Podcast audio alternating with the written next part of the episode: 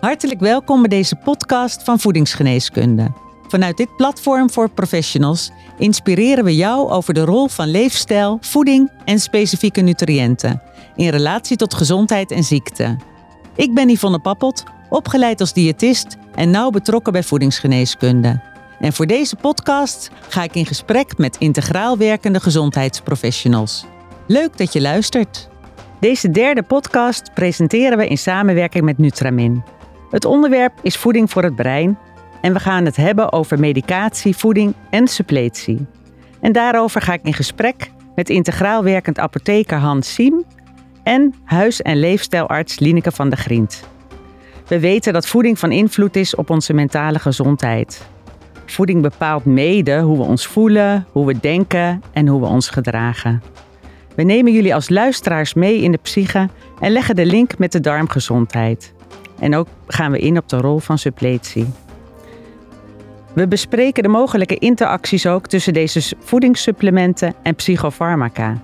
Je kunt immers niet alles onbeperkt tegelijkertijd slikken. Heel hartelijk welkom, Lineke en Han, in deze studio. Uh, leuk dat jullie er zijn. Dankjewel. Dankjewel. Han, jij bent integraal werkend apotheker met een apotheek in zowel Huizen als Amsterdam. Kun je iets meer over jezelf en je passie voor suppletie vertellen? Uh, ja, zeker. Ik ben nu uh, 30 jaar apotheker al. En uh, we hebben ook een online apotheek, de vitamineapotheek, uh, sinds eh, een jaar of zes nu, denk ik. En ehm, nou, ik was, eigenlijk al heel lang apotheker. Eigenlijk regulier werkend. En een jaar of 15 geleden kreeg ik zelf atriumfibrilleren. En er werd eigenlijk geen ehm, ja, mankement bij mij gevonden. Na een uh, uitvoerig cardiologisch uh, regulier onderzoek. Uh, dus het was eigenlijk ja, pech. Of ja, we wisten niet waar het van kwam. Dus nou, daar had ik geen vrede mee. Want ik moest zware medicatie slikken. Zoals flecainide. Dat is een antiarrhythmicum.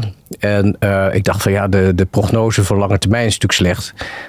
op termijn kreeg ik hartfalen. Dus ik had daar helemaal geen zin in. Dus ik ben me toen gaan verdiepen in, in mijn lifestyle. Nou, die was echt niet zo goed op dat moment. Dus die heb ik heel sterk verbeterd. Ik ben gaan sporten, ben goed gaan eten, gezond gaan eten. Ik heb heel uh, bewust omgegaan met de stress. Ik had best veel stress in die tijd. Ja, ik was natuurlijk ook jong, woonde midden in de stad. Dus ik, uh, ik hield ook van, van de stad en het leven. Maar goed, ik, ik heb dus alles aangepast en ook me heel erg verdiept in suppletie. En, en mijn voeding. En op die manier heb ik eigenlijk rustig aan steeds meer mijn atriumfibrilleren onder controle gekregen. En toen, ja, dan wordt het ook een onderdeel van je manier van denken. En dan wil je dat ook eigenlijk uh, toepassen als, uh, als, als apotheker.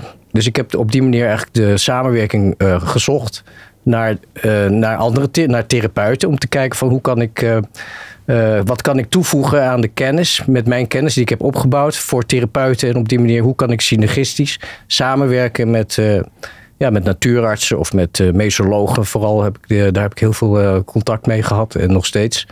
En inmiddels werken we met iets van 300 therapeuten samen. En wat we met name nu doen, is de interacties bestuderen wij. Die kunnen optreden tussen reguliere geneesmiddelen en de natuurgeneesmiddelen die zij voorschrijven. Er is eigenlijk niemand die dat in Nederland doet. En het is soms heel vanzelfsprekend dat het wordt gecombineerd.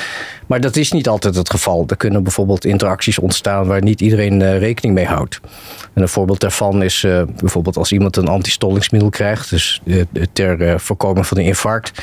En je geeft een, een geneesmiddel of een natuurgeneesmiddel die ook een antistollend effect heeft, dan kunnen er natuurlijk bloedingen ontstaan via bepaalde mechanismen. En dat zoek ik allemaal uit en daar, daar interacteer ik dan eigenlijk op. En op die manier kunnen we eigenlijk een veiligere medicatie voor de patiënt uh, waarborgen. En dat is zowel voor de therapeut als voor de patiënt is dat uh, natuurlijk heel waardevol uiteindelijk.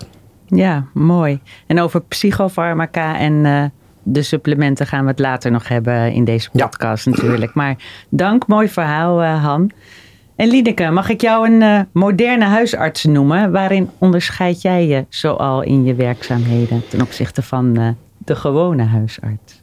Nou, ik ben inmiddels ook al aardig wat jaren werkzaam, zeker een jaar of 25. En uh, sinds een jaar of vier, vijf ben ik uh, anders aan het kijken naar gezondheid en ziekte. dat begon allemaal met uh, eerst de poes van mijn tweelingzus en vervolgens mijn eigen hond. En, dan ga je natuurlijk verder denken. Als dat op hun van toepassing is, dan is het waarschijnlijk ook op mij van toepassing. En van het een kwam het ander. Samen met wat uh, ontmoetingen kreeg ik plotsklaps een, ja, een, hele, een hele andere kijk. en die, die strekt zich uit tot het, het het bezien van chronische aandoeningen in een ander licht. Namelijk, wat is eigenlijk de oorzaak ervan? Want ik kwam er ineens achter dat wij huisartsen voornamelijk medicijnen voorschrijven met het doel om de symptomen van een aandoening te onderdrukken en niet zozeer de oorzaak weg te nemen. En uh, daar ben ik nu eigenlijk samen met de patiënt veel meer naar op zoek.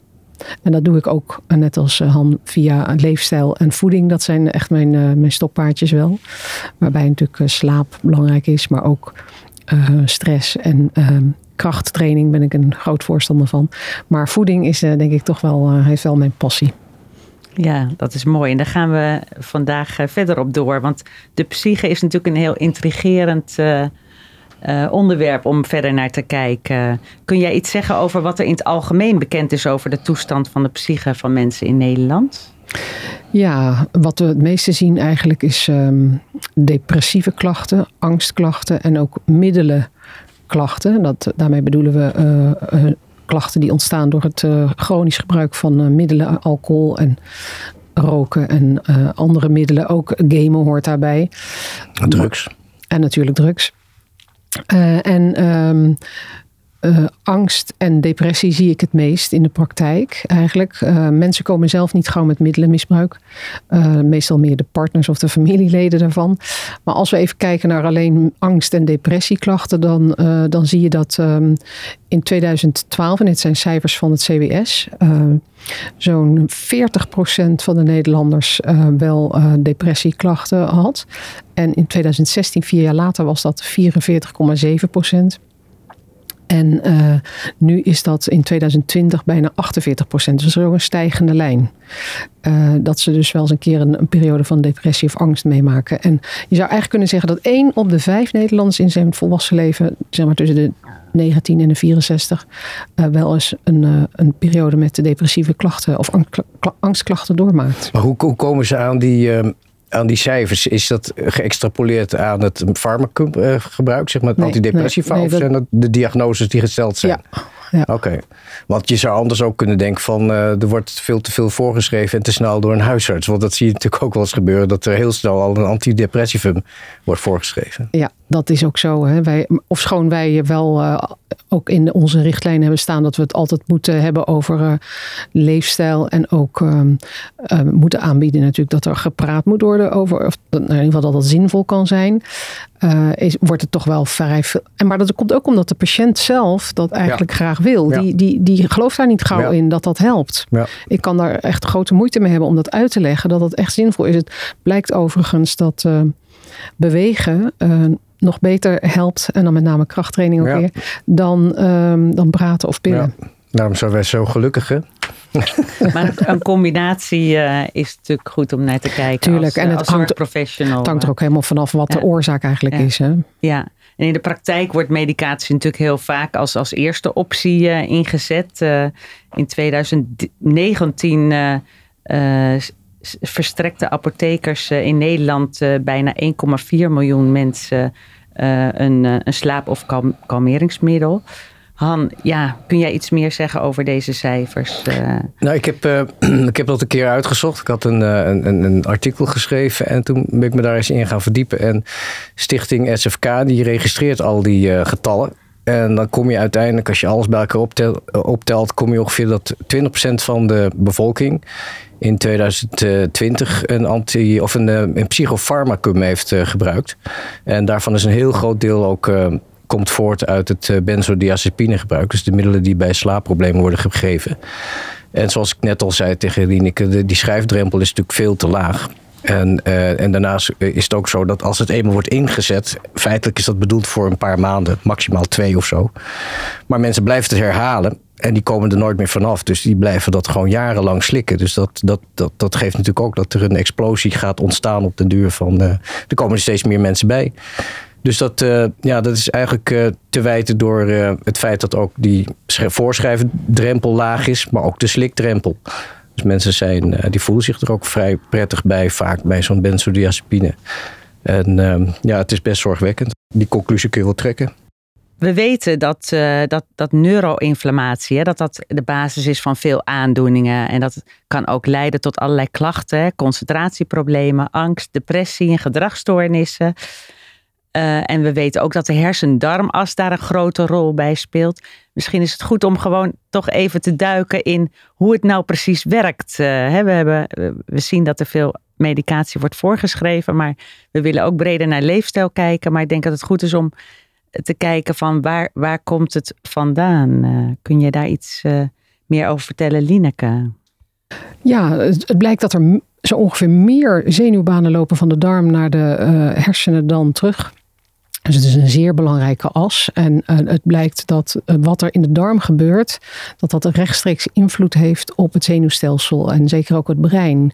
En dat, dat gaat via de zenuwtjes die in die darmwandcel ook hun, uh, ja, hun takjes hebben en hun voelsprieten. en dan kan het rechtstreeks via de nervus vagus omhoog gaan. Dus de stofjes die in, in de darm aan ontstekingsstofjes ontstaan en hoe die dan ontstaan, kunnen we het nog over hebben. Maar als er dus in de darm uh, ontstekingsstofjes staan, ontstaan, kunnen ze via die uh, nervus vagus rechtstreeks omhoog naar de hersenen. Maar het kan ook via de bloedbaan, via de lever, in de lever een ontstekingsproces veroorzaken. En ook daar zitten weer dendrietcelletjes. En die kunnen ook, uh, andere zenuwcelletjes, die kunnen uh, dus uh, ook immuuncellen, die van het zenuwstelsel afkomstig zijn. En die kunnen ook, ja, als het ware, telefoneren met het, met het brein. En ook letterlijk omhoog kruipen en daar een, een, ja, een inflammatie veroorzaken. Dus zo krijg je dat wat er gebeurt in de darmen, dat dat in het brein een soort ja, laaggradig ontstekingsbeeld zou, kan veroorzaken, een soort waakvlammetje. En uh, nu is het uh, het bijzondere van het geheel dat dat ook andersom weer kan werken. Dus daar waar het de, de bloed-hersenbarrière, wat een, een grens is tussen het bloed- en lymfevatstelsel en um, het lymfeweefsel en, de, en de gezonde hers, het gezonde hersenweefsel. Daar waar die, die grens eigenlijk doorbroken kan worden door dit inflammatieproces zo hebben we dat in de darmwand ook. En het blijkt dat dat op elkaar werkt. Dus als de bloed-hersenbarrière doorbroken is door dat inflammatieproces, heeft dat ook een invloed op de darmwand en andersom. Dus als de darmwand, die kan ook doorbroken worden. We noemen dat dan uh, uh, hyperpermeabel, verhoogd doorlaatbaar. De volksmond wordt dat ook wel leaky gut genoemd. Uh, dan kan via die darmwand kan er van alles in het bloed uh, terechtkomen, waardoor er ook een inflammatieproces ontstaat. En ook dat kan weer een invloed hebben op die bloed-hersenbarrière. Ja, en dan, dan, spreken we ook wel over een leaky brain uh, ja. hè, als, als, als factor wat meespeelt.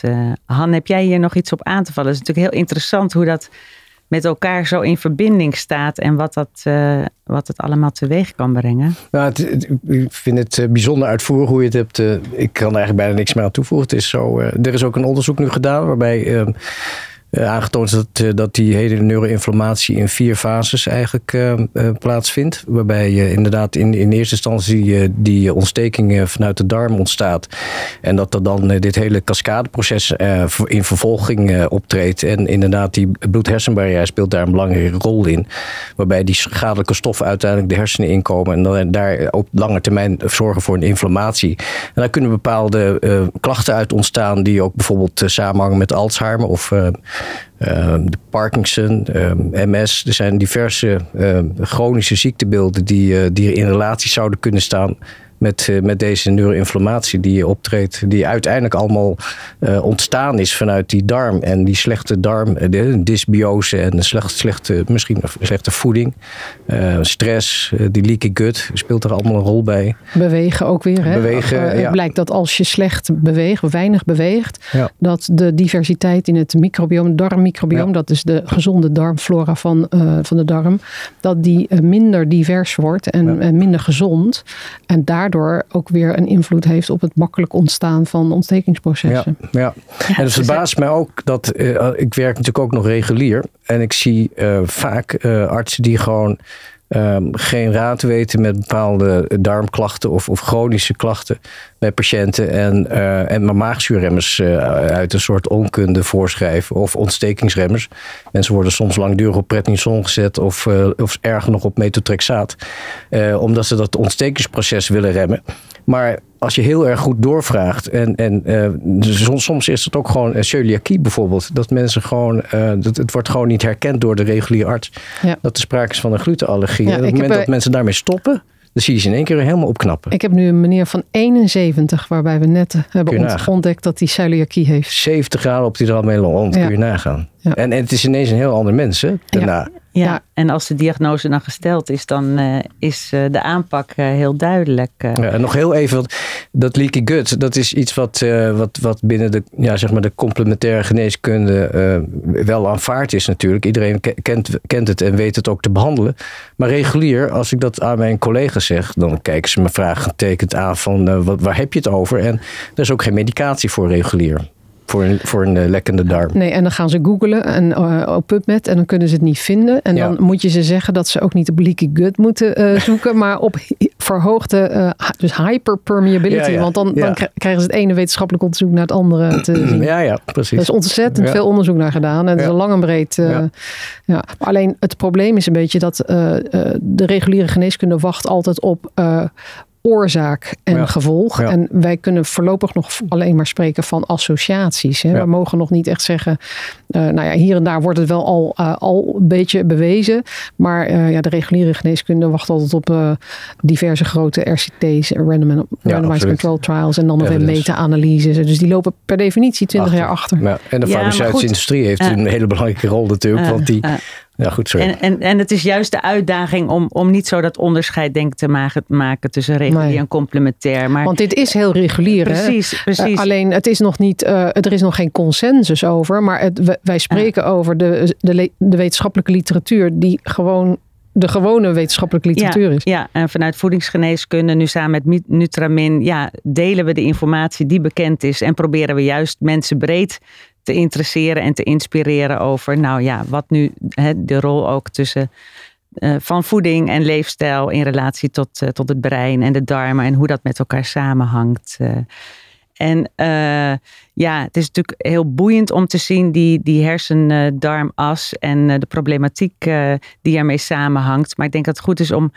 uh, ook naartoe te gaan van ja, wat, wat kunnen we ermee met, met, met voeding en met specifieke nutriënten? Hè? Wat, wat zijn mogelijkheden?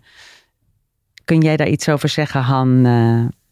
Nou, het is natuurlijk heel belangrijk dat die, uh, die conditie in de darmen goed hersteld wordt. Ook zeker na antibiotica gebruik. Het is, als je een antibioticum hebt gebruikt, kan het zelfs tot een jaar duren voordat die normale darmflora weer hersteld is. En tot die tijd is die weerstand echt heel duidelijk verminderd. En dat zie je ook je ziet ook vaak dat mensen die, uh, die bijvoorbeeld chronisch een uh, antibioticum krijgen, omdat ze uh, altijd blaasontsteking hebben of pneumonie, die worden soms gesteld door een, door een arts op een reguliere onderhoud van één capsule per dag van amoxicilline. Nou, die darmflora die is, natuurlijk, is natuurlijk heel slecht. En je ziet ook dat die mensen continu continu allerlei infecties oplopen en, en griep. En, en ook met COVID is dat natuurlijk een. dus die, die darmconditie is natuurlijk heel van belang om die goed te krijgen. Nou, dan kunnen we natuurlijk probiotica, uh, waarbij vaak ook uh, een combinatie van de bifidobacterium en de lactobacillus wordt toegepast. Zit onder andere ook in de ProMood bijvoorbeeld. Nou, dat zijn, eh, dat zijn, er zijn verschillende mogelijkheden natuurlijk om dat eh, op die manier te suppleren. Uh, voeding is natuurlijk heel essentieel. Hè? Kijk naar Lineke, maar die staat te springen om daarop in te haken. Ja, ja, ja. Ik denk ja, dat voeding eigenlijk de basis is. Ja, ik, ik begin graag bij de basis voordat we het over supplementen hebben. En dan, dan denk ik vooral aan... Um, aan wat, wat van belang is dat we, dat we pro. Dus um, uh, er is een ontstekingsproces. Dus we moeten eigenlijk zodanig gaan eten dat het ontstekingsproces wordt uitgezet. Dus dat heet anti-inflammatoire eten. En uh, wat is dat dan? Hoe ziet dat er dan uit? Nou, met name groene bladgroenten. Uh, daar zitten stofjes in dus die dat, die dat immuunsysteem echt letterlijk kunnen uitzetten. Groene bladgroenten. Uh, we, eten ook uh, graag dan uh, fel gekleurd. Dus alles wat tot aan in de kern fel gekleurd is. Denk aan wortel, paprika. maar ook bietjes zijn echt fantastisch. Um, en het rode, blauwe, blauwe fruit bijvoorbeeld. en alle andere dingen die je nog kunt bedenken. Is fel gekleurd. En dan de zwavelhoudende. Dus dat zijn de, de koolsoorten en de looksoorten. Dus bieslook, knoflook, maar ook ui en prei. En zelfs wasabi. Uh, en nog meer van die dingen. Kruisbloemige uh, wordt dat wel genoemd. En dan uh, de paddenstoelen. Dus als je die drie eigenlijk in je, in je dagelijkse programma hebt, dan kom je een heel eind met anti-inflammatoire eten. Maar daar hoort natuurlijk ook bij bijvoorbeeld omega-3. Heel belangrijk. Hè? Dus ja. liever niet. En, en sommige dingen ook laten. dus liever niet in zon, met zonnebloemolie werken, maar wel met olijfolieën. En als je dat niet goed verdraagt, want die mensen zijn er, dan uh, bak in uh, geklaarde boter. trouwens, verhitten van olijfolie is natuurlijk niet zo'n heel goed idee. Dus ik, ik bak het liefst zelf in geklaarde boter of in uh, zonnebloemolie. Uh, sorry, in, uh, ik zeg net dat we dat niet moeten doen. in kokosolie. Ja. ja. dus mijn groenten doe ik in kokosolie en mijn vlees in, in ghee of in geklaarde boter. Ja. En gefermenteerd eten is natuurlijk sowieso ook heel goed voor het, uh, voor het darmmicrobioom. En kruiden kun je natuurlijk toevoegen, zoals kurkuma. En dan natuurlijk specerijen, ja. ja, ja. Het liefst uit eigen tuin en biologisch. Uh, ja. Ja, want anders krijgen we de pesticiden weer. En als we het over Parkinson eh, hebben, als, als neuroinflammatie, eh, als neurodegeneratieve aandoening met neuroinflammatie eh, als basis, dan, dan willen we natuurlijk juist geen pesticiden. Daar weet professor Bas Bloem alles van. Precies. Ja. En hoe reageren de, de patiënten hierop? kun, je mensen, kun je mensen makkelijk meekrijgen in je adviezen? Nou, ik moet zeggen dat me dat best uh, goed afgaat. Ik, ik denk wel dat je als, als dokter uh, altijd begint met de patiënten die zelf uh, gemotiveerd zijn. Maar wat ik merk is dat als ik zelf over mijn eigen passie vertel, mijn eigen, met mijn eigen enthousiasme over wat ik lekker vind om te eten, dat mensen daar eigenlijk heel blij van worden. En dat ik ze tips aan de hand doe hoe ze dan meer groenten naar binnen kunnen werken. Want de, de typische Nederlander, ik, ik, ik, vraag tegenwoordig heel veel uh, voedingsdagboekjes uit. Hè. De typische Nederlander eet s morgens twee crackers. Of uh, yoghurt uh, met, met, met walnoten, dat doen ze dan nog wel. Maar en tussen de middag twee of drie boterhammen. En s'avonds een warme maaltijd. En dan om vier uur nog uh, fruit of uh, kuppensoep of zo. Of iets anders. Um, dus eigenlijk veel te weinig groente. Wij eten overigens van alle Europeanen de minste groente. Wisten jullie dat? Ja. Uh, en dat, ja, dat zit gewoon, het is het brood, brood en s'avonds een beetje, beetje groen op je bord. Dat is het eigenlijk wat wij Nederlanders eten. En dat moeten we eigenlijk veel meer doen. We moeten proberen drie keer per dag groente naar binnen te krijgen. Ja. Nou, heel goed dat je daar zoveel aandacht voor hebt. En voor specifiekere diëten werk je ook samen met, uh, met diëtisten of zeker, uh, andere Zeker, als het, uh, ja, als het te moeilijk is. Ik, ik heb natuurlijk maar beperkt tijd tijdens het spreekuur. Ik heb wel wat dingen op papier staan voor ze. En op mijn website uh, huisartslineke van de grien.nl, als ik die even mag noemen, staan ook wel wat dingetjes, maar niet, niet genoeg. En dan, ja, sommige mensen vinden het echt fijn om even een uur met een diëtiste uitgebreid te hebben over de, over de, de maaltijden die ze kunnen maken. Ik heb overigens ook wel gewoon boekjes waar, eh, waar een ontbijt, een lunch en een avondmaaltijd voor ze in staat als voorbeeld. En dan kunnen ze daar zelf natuurlijk mee aan de slag. Ja, dus uh, ja, deze voedingsadviezen zijn heel duidelijk ook in relatie tot die neuroinflammatie en inflammatie uh, in het algemeen. Hè? Om dat ja, zoveel mogelijk tegen te gaan met voeding. Uh, veel wordt natuurlijk bij, uh, uh, bij mentale problematiek ook medicijnen toch voorgeschreven of andere, andersoortige aanpak. we hadden het al even over natuurlijke alternatieven. Misschien goed om daar ja, ook in relatie tot depressie bijvoorbeeld, wat zoveel voorkomt, aan te geven. Ja, wat zijn er zoal voor mogelijkheden? Nou, we zien natuurlijk best veel patiënten langskomen die die het reguliere pad al heel lang hebben bewand. En op een of andere manier eh, komen ze dan uh, of bij ons terecht via een therapeut of rechtstreeks. Uh, omdat dat op een of andere manier toch niet het antwoord geeft op hun, op hun klachten. Vaak hebben ze ook bijwerkingen. En ze zoeken vaak naar eigenlijk een, ze willen eigenlijk wel een betere quality of life. Um, en dan kom je eigenlijk in een wat lastig traject. Want je, een, een patiënt staat al ingesteld op een reguliere antidepressivum bijvoorbeeld. En wil dan een natuurlijk alternatief. En wat doe je dan als therapeut of als, als, apotheker? Als, uh, wat moet je adviseren? Want Uh, als je alles combineert met elkaar, heb je kans natuurlijk dat er serotonerge bijwerkingen ontstaan. Dus dat moet je zien te voorkomen. Um, als je het een voor het ander uh, vervangt, dan zit je natuurlijk ook allereerst met je de wetgeving te maken. Want het stoppen van een geneesmiddel is ook een medische interventie, waar een, stuk verantwoordelijkheid bij komt kijken. Op moment, zeker op het moment dat het misgaat. Moet je ook rekening mee houden dat sommige patiënten toch een suicidaal verleden hebben, bijvoorbeeld. Um, en weer terug kunnen vallen. Dus het is van belang dat je dat uh, heel erg uh, nauwkeurig uh, bestudeert. En, en goed kijkt ook naar de patiënt en de fysiologische gevolgen van een interventie. En we hebben er heel veel ervaring mee inmiddels. We werken veel met uh, natuurstoffen. En zoals 5-HTP vind ik wel een van de, de, de, beste supplementen waar je heel goed mee kunt doseren. 5-HTP heeft als voordeel dat het, we hadden het net er al over, de bloed-hersenbarrière. Die kan, dat, die kan de bloed-hersenbarrière goed passeren zonder dat er competitie ontstaat tussen andere aminozuren en uh, eiwitten. Dus daardoor krijg je een goede penetratie in, in de hersenen. Dit hoeft ook niet te worden omgezet eerst. Zoals tryptofaan moet wel eerst worden omgezet. Dus je hebt toch een iets snellere werking. Um, en het is heel goed in een wat lagere dosis te, te suppleren dan bijvoorbeeld middel als rhodiola of, of tryptofaan. Dus het is eigenlijk een heel mooi middel om met name bij die categorie die al op een uh, antidepressivum zit, om die uh, in goede begeleiding met de arts natuurlijk om te proberen te zetten naar deze stof. Vaak ook als men wil afbouwen, wat je ook heel vaak ziet, dan is dit eigenlijk het beste alternatief, omdat je hier wat, ja, wat, wat, wat netter mee kunt titreren en eigenlijk de klachten goed beter kunt ondervangen. Um, uh, en, en op die manier de patiënt maximaal kunt ondersteunen. Dus daar hebben we inmiddels best veel ervaring mee, met goede resultaten. En uh, bovenal blijft natuurlijk van belang dat je uh, continu blijft uitvragen aan de patiënt hoe die zich voelt, hoe het met hem gaat, of die nog gemotiveerd is en, en niet terugvalt. Dat is ook uh, belangrijk. En er zijn ook veel kruiden die uh, ingezet worden in relatie tot de psyche. Kun je daar iets uh, over zeggen, Han? Ja, nou, ik noemde net al rhodiola. Rhodiola wordt ook veel uh, gebruikt. Is ook een, een, een, vrij populair middel. Het, rhodiola is ook een, een, mooi mengsel, mooi, mooie stof. Het enige nadeel is dat rhodiola heel veel interacties kan aangaan. En dat is natuurlijk onze expertise. Uh, in het lichaam heb je te maken met het lever-enzymsysteem, het cytochroom P450-systeem. En de CYP-enzymen die spelen daar een centrale rol in. Nou, rhodiola kan een enorme invloed hebben op een groot aantal CYP-enzymen. En vooral het CYP3A4, dat is een van de uh, de, de, de, de bekendste CYP-enzymen die verantwoordelijk is voor de, de afbraak van heel veel geneesmiddelen in de lever.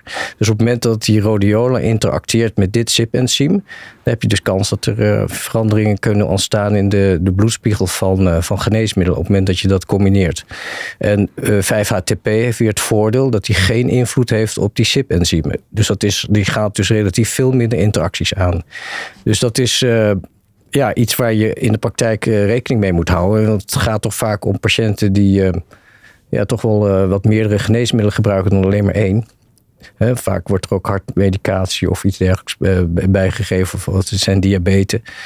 Dus op het moment dat je met kruiden uh, gaat uh, aan de werk, uh, te, te, meer te werk gaat die inwerken op die CYP-enzymen, dan moet je rekening houden met een wijziging van je bloedsuikerspiegel of je bloeddruk. En dat, dat is het punt waar wij eigenlijk bij komen kijken en, en, en adviseren. Ik ben ook wel een voorstander van gewoon peterselie. Ja. Uh, over kruiden gesproken. Een mooi kruid in de keuken. Want daar zit, ja. nou, dat, het, het, voordeel van peterselie is dat, het, uh, dat er veel polyfenolen in zitten. Ja. En uh, dat het ook goed de bloed-hersenbarrière passeert. Dus de polyfenolen uit peterselie. Maar wat doet het met serotonine? Want dat, dat, dat weet ik even niet. Nee, niet. Het werkt anti-inflammatoire. Ja, ja. Is ook goed als je knoflook gegeten hebt, begrepen. Tegen de, de knoflookgeur. Ja, ik las van de week in de Volkskrant een artikel over melatonine in relatie tot uh, slaapproblemen. Ja, dat is een hele interessante. Um, neem aan, mag ik hem beantwoorden? Ja, ja nou, melatonine is, uh, is, een, is, een, uh, is natuurlijk een, een, een lichaams-eigen stof. Die wordt geproduceerd in de hersenen door, in, de, in de epifyse. Uh, die, die reguleert natuurlijk het... Hypofyse. Het, de, de epifyse. Oh. De, ja, epifyse. En het reguleert het, het, het, het waakritme, zeg maar het nacht-dag ritme. Het ontstaat eigenlijk het, de, de aanmaak wordt ook geremd onder invloed van zonlicht en, en blauw licht. Dus dat, daarom is het ook niet goed als mensen uh, gaan beeldschermen vlak voordat ze gaan slapen of, uh, of, of naar de televisie kijken. Want dat, dat remt die melatonine aanmaak. En um, nou kan dat ook worden gesuppleerd, alleen de wetgeving is nu veranderd. Uh, alles wat boven de 0,3 milligram per tablet is, moet nu worden geregistreerd als geneesmiddel. En dan valt het onder de categorie uh, UAD, dus uitsluitend uh, drogist of apotheek. En doe je dat niet, dan ben je in overtreding met de wet. Dus er zijn nu een aantal fabrikanten die hebben het ook geregistreerd in de iets hogere milligrambasis. Dus de 1, de 3 en de 5 milligram zijn geregistreerd. En dat zijn nu eigenlijk officiële geneesmiddelen, maar die hoeven niet op recept. Maar dat geeft even aan dat de inspectie toch wel toeziet dat dit uh, een middel is wat ook wel een farmacologisch effect heeft. Dus dat het niet een, uh, nou ja, een, zomaar een, een middeltje is. Uh, dus het wordt eigenlijk wat serieus genomen, ook vanuit de inspectie. En ehm, ja, we, we, we passen het soms toe. het heeft ook wat nadelen. Ehm, mensen die, dus 10% schijnt niet goed te reageren op melatonine.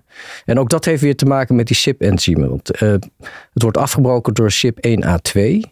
En op, dat, op het moment dat mensen minder activiteit hebben van die CYP1A2, dan wordt die melatonine niet zo goed afgebroken. En wat je dan ziet in de praktijk is dat ze eerst uh, goed slaperig ervan worden, maar daarna stapelt die melatonine, die blijft zich stapelen in het lichaam omdat het niet goed afgebroken wordt. En dan krijg je dat die mensen suffigheid blijven houden, ook overdag. Dus het wordt niet goed afgebroken. Dus dat is een, dat is een bijwerking die, eh, die dan kan ontstaan bij mensen met een te laag CYP1A2. En het lichaam reguleert het normaal gesproken zelf, omdat het lichaams eigen stof is, zou je dan kunnen verwachten van hé, hey, hoe, zit dat dan? Maar uh, dat is een soort zelfreguleringsmechanisme. Dus hebben mensen minder CYP1A2 uh, activiteit, dan wordt de melatonine minder aangemaakt door het lichaam. En dat zou misschien ook een verklaring kunnen zijn dat men, sommige mensen last hebben van slapeloosheid. Ja, oké, okay, dankjewel. Duidelijk verhaal vetzuren, omega-3, jij noemde het ook al even in de voeding. Vetzuren ja, worden ook in relatie tot, uh, tot psychische klachten wel genoemd om te, om te suppleren ook. Is daar, uh, wat voor evidence is daarvoor? Ja, de evidence de, laat ik aan jou over. Maar ik weet wel dat, er, dat, er, uh, dat het een, een, zeer goed effect kan hebben. Op, uh, een, omdat het ook weer anti-inflammatar werkt. Exact. Uh, ja. en zeker, want dat is de, de omega-3 dus. En ja. DHA heeft dan de voorkeur. Ik, ik suppleer dat graag in de vorm van algeolie. Ja. En van, van DHA, kijk, veel van het brein, en met name de neuronen in de celmembraan, hebben DHA zit. Daar zit DHA in. Dus op het moment dat, zo'n, uh, dat, dat er onvoldoende DHA is, gaat zo'n, zo'n neuron gewoon kapot. En um, dus we, wij, wij suppleren dat, uh, dat dan graag. Of, je kan het natuurlijk ook binnenkrijgen via vette vis, zalm ja. of, of haring. Uh, maar ik zeg ook graag uh, schaal- en schelpdieren. Dat eet de Nederlander heel weinig. Uh, maar dat mag gerust. Dat, dat is helemaal uit, uit de gratie geraakt. Omdat dat te veel cholesterol zou bevatten. Daar was, ging vroeger een verhaal over. Maar ik ben een groot voorstander van wel eten van schaal- en schelpdieren. Want dat hebben wij generaties lang tenslotte gedaan langs de kusten. Toen wij migreerden vanuit Afrika. Duizenden jaren leefden wij op schaal- en schelpdieren. Daar is ons brein ook groot mee geworden. Dus um, ja, dus ook kan je het via de voeding binnenkrijgen. Maar, uh, en dan overigens uh, niet vaker dan twee keer in de week. Want er zitten weer met name in vissen zware metalen. Uh, je hebt natuurlijk ook de groen lipmossel. De, de, de, dus, uit, uit Zeeland. Of nee, uit Nieuw-Zeeland. Dat is ook een, een, een, stof die, een, een, die bevat ook een stof die, die ook een omega-achtige stof die erg ontstekingsremmend werkt. Ook bij uh, artritis en artrose en, en, dat soort klachten wordt uh, voorgeschreven. En ook een heel sterk anti-inflammatoire effect heeft. Die zijn ook als supplement verkrijgbaar tegenwoordig. Groenlipmossels. Uh, het, het is dus... Met curcuma vaak. Er zijn heel veel mogelijkheden ja. verder nog. maar het, het, het, het, spectrum aan klachten is natuurlijk breed. En de inzetbaarheid van specifieke nutriënten. En we kunnen hier natuurlijk niet alles, alles doornemen. Maar ik denk dat er in basis wel een aantal mooie stoffen genoemd zijn. Resveratrol hè, is er nog eentje die ik graag zou willen noemen. Dat is ook een hele mooie om. Uh, ja. Nou, ja. ja rode wijn heeft weer een uh, vervelende bijwerking. Maar, en zeker als het gaat om neuroinformatie overigens. Uh, we hebben het trouwens nog helemaal niet gehad over het feit dat neuroinformatie in verschillende stadia voorkomt. Want mm -hmm. neuroinformatie kennen we natuurlijk allemaal bij de neurodegeneratieve ziektes wel goed. En bijvoorbeeld een delier, daar speelt het ook bij. Maar als je gewoon een slechte concentratie bent of, of, of een soort brain fog hebt of even wat hersenmist, dan kun je ook al een vorm van neuroinflammatie hebben. Alleen dat is gelukkig van voorbijgaande aard. Maar er zijn dus uh, ja, de, de wat ernstigere vormen. Dan, dan lig je de hele dag te slapen. Of je kan je echt helemaal niet meer concentreren. Of je kan helemaal geen boek meer lezen. Of het brein werkt volledig niet meer. Dan is er een soort gemiddelde vorm van neuroinflammatie. En dan nou ja, de ernstigere vormen, dat kennen we dan meer in de vorm van ziektes.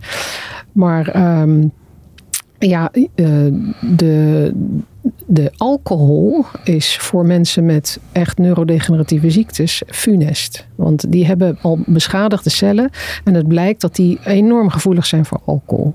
Dus ik ben uh, erg tegen het gebruik van uh, wijn. Als je flinke klachten hebt van, neuro van, neuroinflammatie.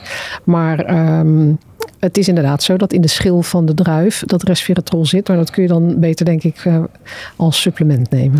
Ja, het, ja dat, het, mag ik er nog even op ja, inhaken? Want het, het mooie is, uh, als je de natuur kunt nabootsen, dat is de kracht van voeding. Het is vaak een samenhang van soort van complexe stoffen die gelijktijdig op elkaar met elkaar synergistisch werken. En zo is eigenlijk de natuur ook bepaald. Daarom is een appel bijvoorbeeld veel gezonder dan de stoffen die je eruit extraheert. En dat is ook wel interessant van, nou, er zijn bijvoorbeeld ook bepaalde supplementen die bevatten die complexen van meerdere bestanddelen. En bijvoorbeeld een mengsel van verschillende stoffen die, uh, die op het brein werken, maar ook de darmconditie. Cerebellum is bijvoorbeeld een goed voorbeeld daarvan. Volgens mij wordt die ook verloten door deelnemers. Uh, maar dat is wel een, een, een, product waarbij je veel te maken hebt met die complexen. Waarbij al die bestanddelen op elkaar inwerken en zorgen voor een synergistisch geheel. En dan haal je niet alleen maar één stof eruit. Want dat ja. doe je natuurlijk met die resveratrol. Dat, ik heb begrepen dat het gelijk staat aan 50 glazen wijn ongeveer. Dat is vergelijkbaar met één capsule in die orde. Maar dan haal je iets wel uit zijn verband enigszins. En ja, ik denk niet dat de natuur dat zo bedoeld heeft. Om, om heel krachtig met één stof te werk te gaan. Het kan wel, maar je moet wel oppassen wat je doet. Ja, duidelijk genoemd door jou, Han. Maar uh, hebben jullie nog een praktische tip verder voor de gezondheidsprofessional die nu meeluistert? We hebben natuurlijk uh, heel veel informatie uh, al gedeeld. We komen een beetje aan het eind van de podcast. Wat zou je ze verder nog, nog mee willen geven? Nou, wat, wat mij betreft, uh, de bewustwording dat als een patiënt zich uh, presenteert op je spreekuur en die gebruikt veel geneesmiddelen, dat je ermee rekening moet houden dat die kunnen interacteren met de supplementen die je, die je voorschrijft. Dus vooral als het om uh, middelen met een, smalle therapeutische breedte, dus een hoge vorm van toxiciteit zijn, zoals Tirax of, of digoxine, of de, de antistollingsmiddelen zoals acetylcomerol. Dat zijn allemaal middelen die, uh, die behoorlijk impact hebben op de, en, en een behoorlijk toxiciteit met zich meebrengen. En op het moment dat je dan gaat combineren, wees dan erg goed uh, bewust van, van de eventuele risico's. Het kan wel, het is veilig, maar laat het het liefst even checken. Sint-Janskruid is ook bekend, ja, hè? Dat is ja. ook een, uh, voor wat betreft de interactie. Ja, die grijpt in op alle SIP-enzymen. Ja. ja. Ja. Daar moeten we ook erg mee uitkijken. Ja. Wat betekent dat in de praktijk dan als advies van nou, ze kunnen bij ons langskomen voor advies. Om, om het te laten checken als je ja, medicatie ja. slikt. Ja, want dat wij is, werken uh, samen met al die therapeuten. En uh, ja, we zijn in feite, uh, da, ja, dat stukje service leveren wij. En het is mijn passie om dat ook te doen. Ja, en jij gaat er ook nog een artikel over. Je bent ja, een artikel aan het schrijven voor voedingsgeneeskunde. over voedingsgeneeskunde. En sowieso is er veel meer informatie voorhanden wat opgevraagd kan worden. Ook bij Nutramin, gekoppeld aan de winactie. Ik heb, ja, ik, ik, ik heb als tip ook mijn eigen website. En daar, daar verdien ik helemaal niks aan hoor. Want, uh, maar dat mag iedereen gewoon uh, klakkeloos van mij uh, overnemen. Daar staat namelijk een voedingsadvies op. Op één A4'tje waar dit allemaal nog op vermeld staat. En dat is dus huisarts Lieneke van de Grien.nl. Kunnen mensen onder documenten mijn voedingsadvies vinden. En mag, mag gedeeld en gebruikt worden. Oké, dank jullie wel in ieder geval voor dit uh, inspirerende gesprek ook. Hè. Het is duidelijk geworden dat er heel veel te winnen valt uh, met leefstijl, met voeding specifiek in relatie tot ons brein en de darmen en, uh, en breder in ons hele systeem. Maar we weten ook dat er nog veel bewijsvoering nodig is. Hè? Dat er nog meer onderzoek nodig is uh, om uh, ja, het ook te kunnen vertalen nog uh, naar, naar adviezen breed. Ja, en daar wil ik nog één ding aan toevoegen. Dat is dat het misschien ook wel helemaal nooit duidelijk gaat worden. Want het is natuurlijk heel erg allemaal persoonsgericht en voeding op maat. Want wat, wat voor de een werkt, werkt voor de ander niet. En dat blijkt onder andere te liggen aan die darmflora. Want deze breekt de, de uh, polyfenolen in de juiste metabolieten af. En die ander doet het niet. Dus wat voor de een werkt, kan voor de ander niet werken. Dus je mag nooit zeggen van nou het werkt voor de buurvrouw niet, dus ik ga het ook maar niet gebruiken. Nee, nee. En advies op maat uh, is, uh, is aan de orde.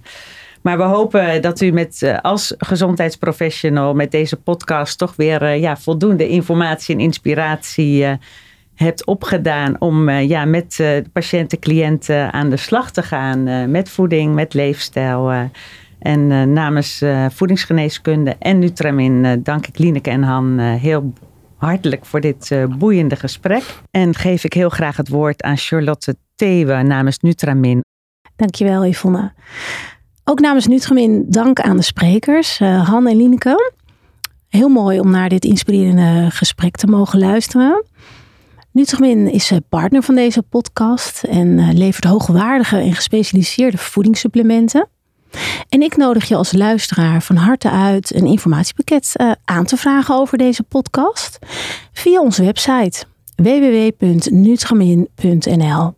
Hier kun je je ook inschrijven voor de nieuwsbrief om op de hoogte te blijven hè, van nieuwe podcasts en innovaties. Uh, evenals uh, ja, wanneer je graag uh, in de praktijk met ons wil samenwerken. Ook nog leuk om even te weten.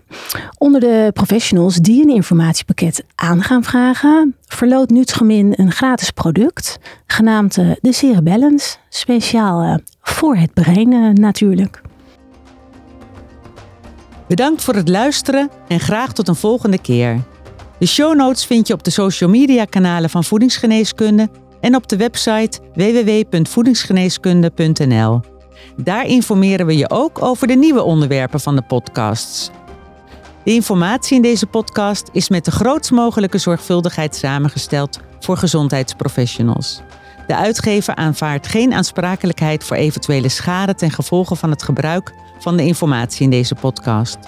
De geboden informatie kan niet worden beschouwd als vervanging van een consult of een behandeling.